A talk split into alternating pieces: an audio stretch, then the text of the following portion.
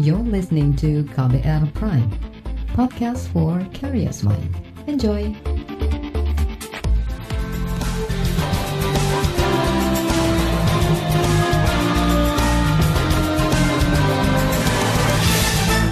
Halo selamat sore saudara, apa kabar Anda sore hari ini? Saya Reski Mesanto kembali hadir di KBR Sore, edisi 30 September 2021. Seperti biasa saya hadir selama kurang lebih 30 menit ke depan dan tentu saja siap untuk menjadi teman Anda beraktivitas. Saudara, saat ini sejumlah negara maju seperti Cina, Inggris, dan negara-negara Eropa sedang mengalami krisis energi. Krisis ini membuat Cina kekurangan suplai energi untuk menggerakkan generator listrik – Sedangkan Inggris kekurangan stok bahan bakar untuk sektor industri dan kendaraan. Buntutnya, sepertiga pom bensin di Inggris tutup karena tak ada pasokan BBM. Krisis energi berdampak juga ke Prancis, Spanyol, Jerman, dan Italia. Masyarakat di sana mengeluhkan harga berbagai turunan produk energi yang melonjak. Sebut saja, misalnya, harga gas alam, bahan bakar, dan listrik. Organisasi konsumen Eropa bahkan mengeluh harga grosir gas alam di Eropa mencatatkan kenaikan tertinggi.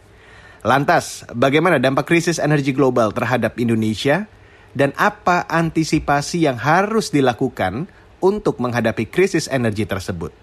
Bersama saya Reski Mesanto, kita bahas lengkapnya di KBR sore.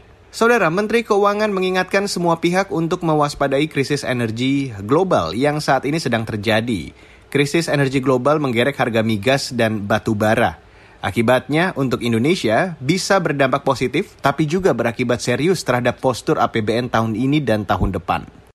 APBN tahun 2022 yang nanti akan uh, diresmikan menjadi undang-undang berisi pendapatan negara yang akan mencapai 1.840 triliun.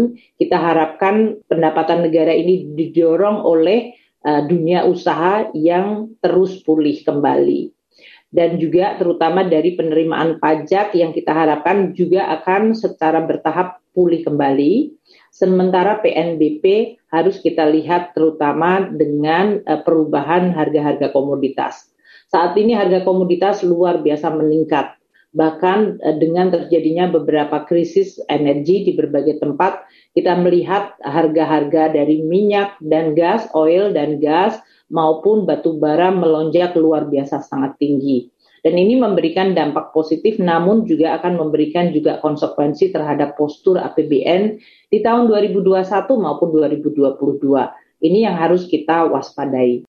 Menteri Keuangan Sri Mulyani mengatakan pendapatan negara pada tahun depan sudah ditetapkan yaitu sebesar lebih dari 1,8 kuadriliun rupiah. Rencana pendapatan negara itu sudah disetujui DPR pada tingkat 1 dan tinggal diresmikan dalam Undang-Undang APBN 2022 dalam waktu dekat. Pendapatan negara sebesar itu didorong oleh dunia usaha dan penerimaan pajak. Sementara Badan Pusat Statistik atau BPS pada pekan lalu mengungkapkan Indonesia masih bergantung pada impor migas. Kepala BPS Margo Yuwono menyebut, Kinerja impor Indonesia meningkat pada Agustus lalu menjadi 16 miliar dolar Amerika atau setara lebih dari 220-an triliun rupiah. Kepala BPS Margo Yuwono merinci impor migas tercatat 2 miliar dolar Amerika atau setara 28 triliun. Angka ini meningkat 14 persen bila dibandingkan bulan sebelumnya atau Juli lalu yang hanya sebesar 1,7 miliar dolar Amerika atau sekitar 24 triliun. Tapi bila dibandingkan Agustus tahun lalu, impor migas Agustus tahun ini melesat hingga 115 persen. Nilai impor kita pada Agustus 2021 ini mencapai 16,68 miliar US dollar, naik sebesar 10,35 persen kalau dibandingkan bulan Juli tahun 2021. Kalau kita perhatikan atau kita kelompokkan berdasarkan migas non migas, migasnya juga uh, meningkat sebesar 14,74 persen, sedangkan non migasnya meningkat 9,76 persen. Impor kita pada bulan Agustus yang sebesar 16,68 miliar US dollar, kalau kita bandingkan dengan Agustus tahun 2020, ya itu mengalami peningkatan sebesar 55,26 persen. Demikian juga kalau kita lihat berdasarkan migas non migas, impor kita di bulan Agustus uh, 2021 ini dibandingkan Agustus tahun 2020 ya itu meningkat 115,75 persen, kemudian non migasnya meningkat 49,30 persen. Meski impor migas pada Agustus kemarin masih meningkat, tapi Kepala BPS Margo Yuwono mengungkapkan ekspor migas Indonesia juga cukup melejit atau tumbuh hampir 78 persen. Sumbangan sektor migas terhadap ekspor nasional pada Agustus kemarin mencapai hampir 5 persen dari total ekspor Indonesia yang senilai 300-an triliun lebih. Meski krisis energi global sedang melanda, Indonesia seperti masih bisa bernapas lega. Wakil Direktur Utama PT PLN Darmawan Prasojo seperti dimuat CNBC Indonesia mengklaim, saat ini PLN justru tengah mengalami kelebihan pasokan listrik. Penyebab surplus listrik ini terjadi karena prediksi pertumbuhan ekonomi dan permintaan listrik meleset. Selain itu, pandemi COVID-19 juga membuat konsumsi listrik masyarakat semakin melesu. Bahwa PLN saat ini mengalami oversupply ya. Kita mengalami oversupply dan ini disebabkan pada saat 2015 dulu memang uh, prediksi itu elasticity of demand itu korelasi antara pertumbuhan ekonomi dengan pertumbuhan dari uh, demand listrik itu 1,3 persen, 1,3 itu angkanya. Artinya satu persen, 1,3. Tetapi ternyata selama lima tahun itu uh, korelasi antara pertumbuhan ekonomi dengan demand itu turun menjadi 0,86. Uh, artinya apa? Bahwa ada banyak sekali efisiensi yang dulu lampu pijar, sekarang menjadi LED, kemudian AC juga banyak sekali itu yang lebih efisien lagi, kemudian pertumbuhan ekonomi banyak berbasis pada sektor pelayanan, pariwisata, yang lighting cooling dan lain-lain dan kita mengalami itu. Saudara, itu tadi Wakil Direktur Utama PT PLN Darmawan Prasojo. Selain itu, saat ini PT PLN masih menyelidiki penyebab padam listrik pada Senin sore lalu. Pemadaman sekitar dua jam itu meliputi sebagian wilayah Pantura mulai dari Karawang, Indramayu hingga Cirebon.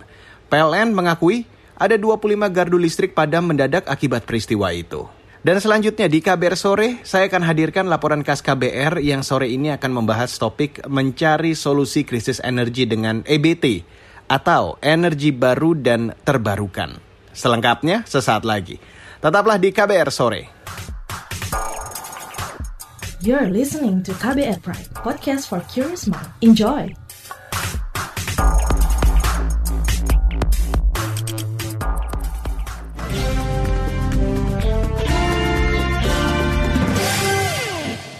Saudara, Indonesia merupakan salah satu negara yang meratifikasi Perjanjian Paris. Perjanjian itu berisi komitmen dunia untuk mengurangi emisi karbon untuk mencegah terjadinya perubahan iklim drastis yang mengancam penduduk dunia. Salah satu biang keladi meningkatnya gas karbon adalah tingginya penggunaan energi fosil. Sejauh mana Indonesia mengurangi penggunaan energi fosil dan meningkatkan penggunaan energi baru terbarukan? Berikut saya hadirkan laporan khas KBR yang dibacakan Fitri Anggreni. Pemerintah mengklaim akan mulai meninggalkan penggunaan energi kotor atau energi fosil dan beralih ke energi bersih atau energi baru terbarukan. Menteri Energi dan Sumber Daya Mineral Arifin Tashrif mengatakan Indonesia mengejar target bauran energi baru terbarukan sebesar 23 persen pada 2025 mendatang. Pengembangan energi baru terbarukan merupakan salah satu fokus kita saat ini. Bauran energi baru terbarukan kita baru mencapai 11,2 persen. Capaian tersebut masih jauh dari target 23 persen di tahun 2025. Kita akan terus berusaha untuk menaikkan porsi EBT ini, khususnya pada sektor kelistrikan. Langkah-langkah pengurangan energi fosil antara lain dilakukan perusahaan listrik negara PT PLN.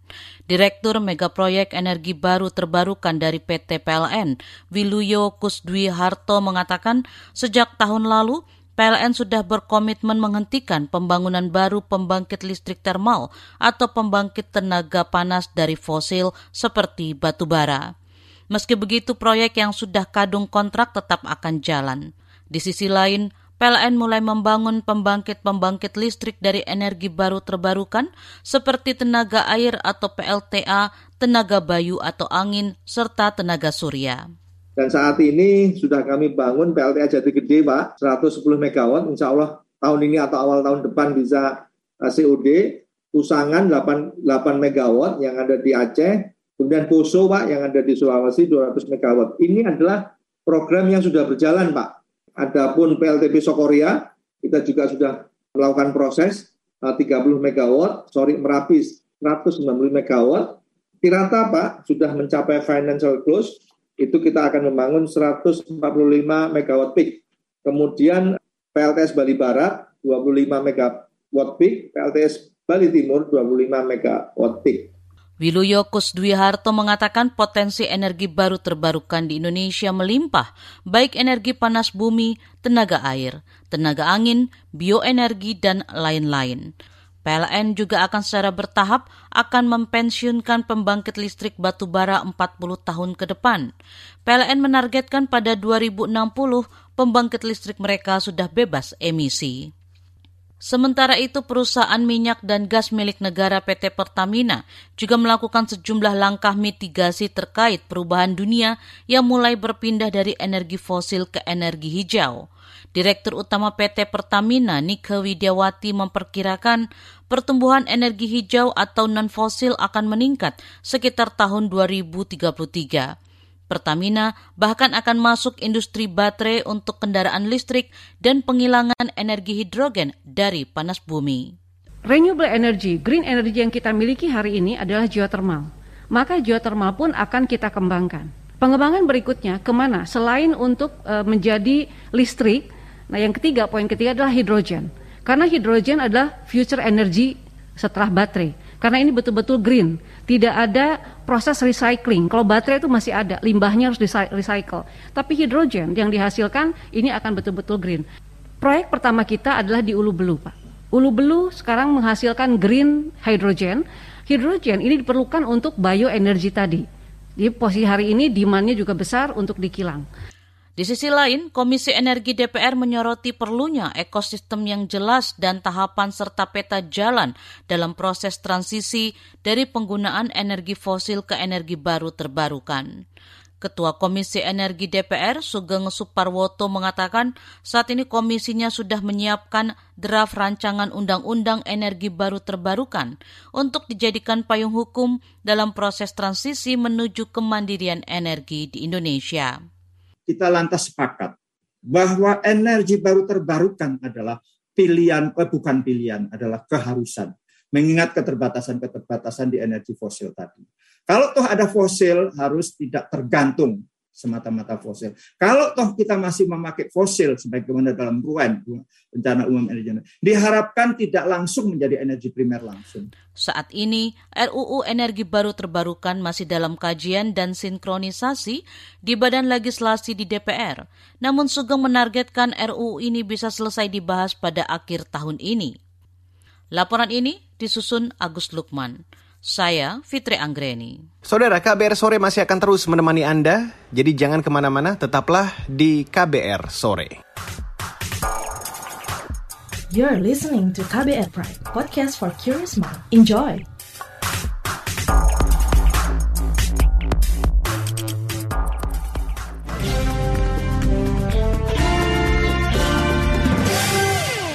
Anda masih mendengarkan KBR Sore untuk hari ini. Saudara, kalangan ekonom menyerukan pemerintah belajar dari krisis energi yang terjadi di Cina, Inggris, dan negara-negara Eropa. Ekonom juga menyebut ada sejumlah masalah dan tantangan terkait sektor energi di dalam negeri. Apa saja itu? Saya ajak Anda untuk langsung mendengarkan wawancara jurnalis KBR Astri Septiani dengan Direktur Eksekutif Lembaga Kajian Ekonomi Indef, Tauhid Ahmad terkait krisis energi di Cina dan juga Inggris yang kemarin juga sempat disoroti oleh Ibu Menteri Keuangan begitu Mas. Apa yang harus diwaspadai oleh pemerintah begitu untuk mengantisipasi krisis energi ini dan apa kemungkinan dampaknya bagi perekonomian begitu? Ya, krisis energi kan ada dua hal. Pertama, karena harga melambung tinggi ya. Negara-negara yang uh, biasanya mensuplai cukup banyak nih mengamati kendala begitu, bisa Timur Tengah, terus plus negara-negara lainnya sehingga harga melambung tinggi itu yang saya kira menjadi uh, problem begitu. Nah yang kedua kemungkinan ada masalah di uh, katakanlah di uh, jalur logistik dan sebagainya sehingga ada keterlambatan begitu dalam pengiriman. Jadi ini tadi kan internasional problemnya. Di dalam negeri ini kan kita hanya menghasilkan sekitar uh, 720 710 ribu barrel per hari. Sementara kebutuhannya kita hampir 1.400, kadang 1.450 ribu barrel per hari untuk memenuhi energi kita begitu ya, terutama untuk apa kendaraan begitu.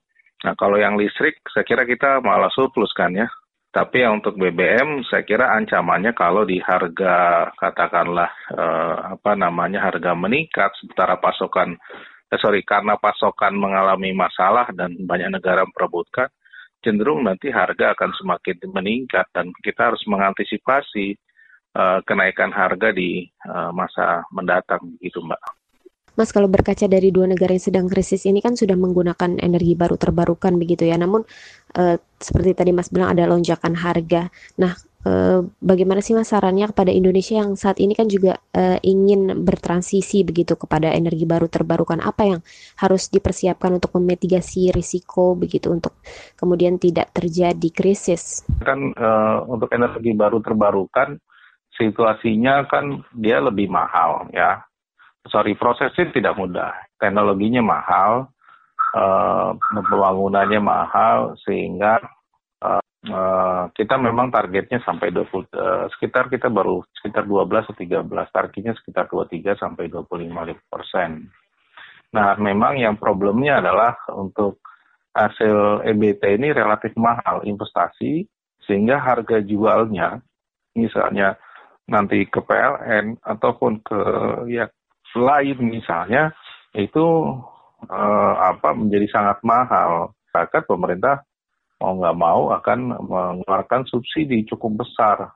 Bagaimana dalam setiap pembangunan itu ada anggaran APBN eh, apa masuk ke situ, bukan hanya swasta.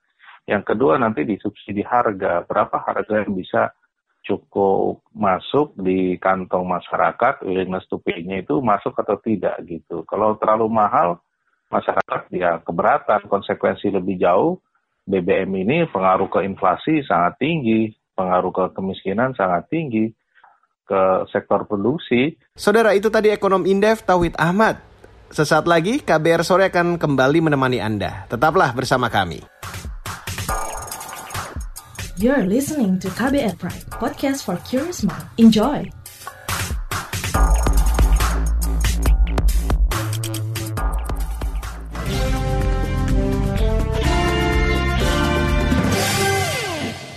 Dan inilah bagian akhir dari KBR sore hari ini. Saudara, sejumlah negara maju seperti Cina, Inggris, dan negara-negara di Eropa saat ini sedang mengalami hantaman krisis energi.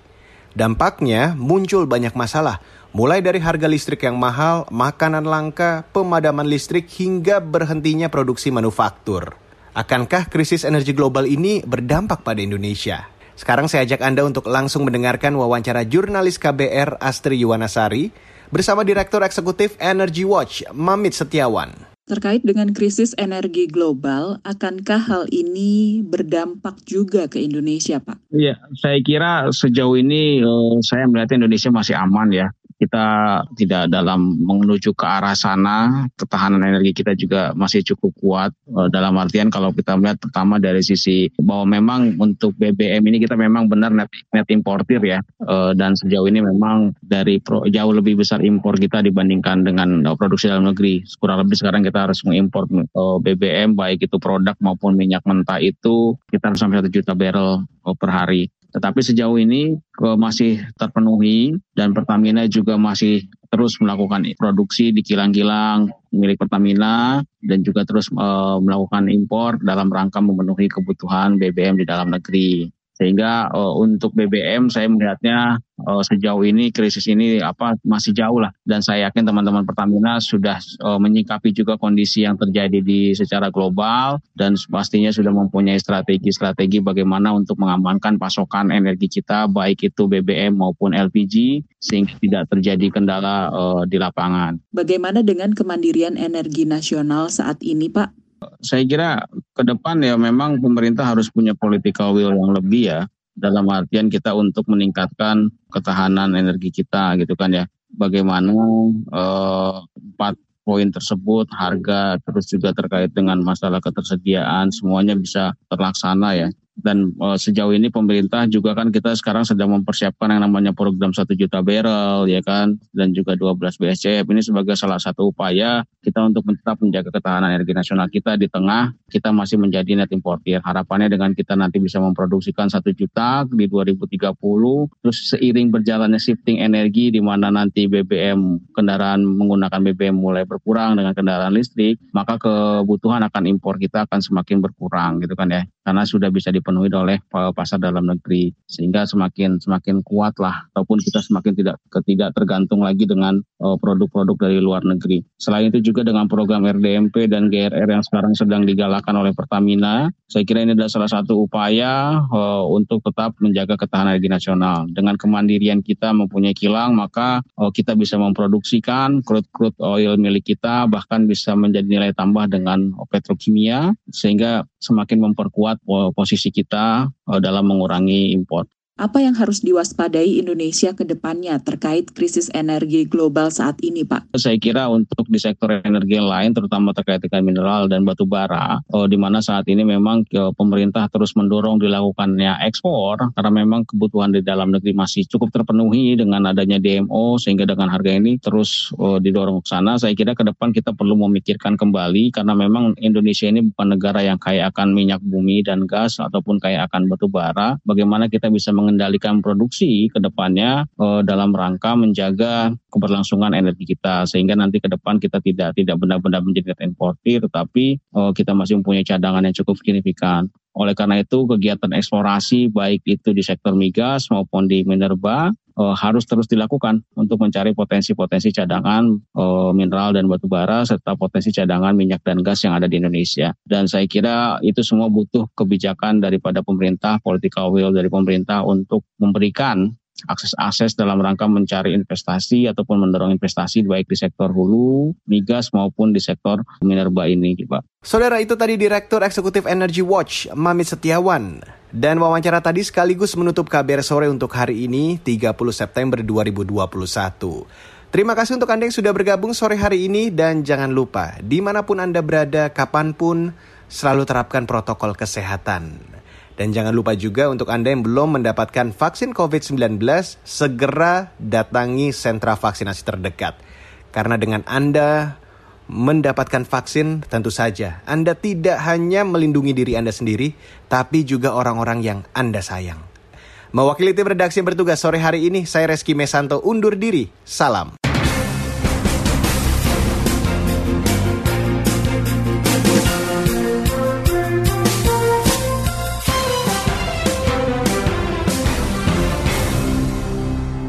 KBR Prime, cara asik mendengar berita.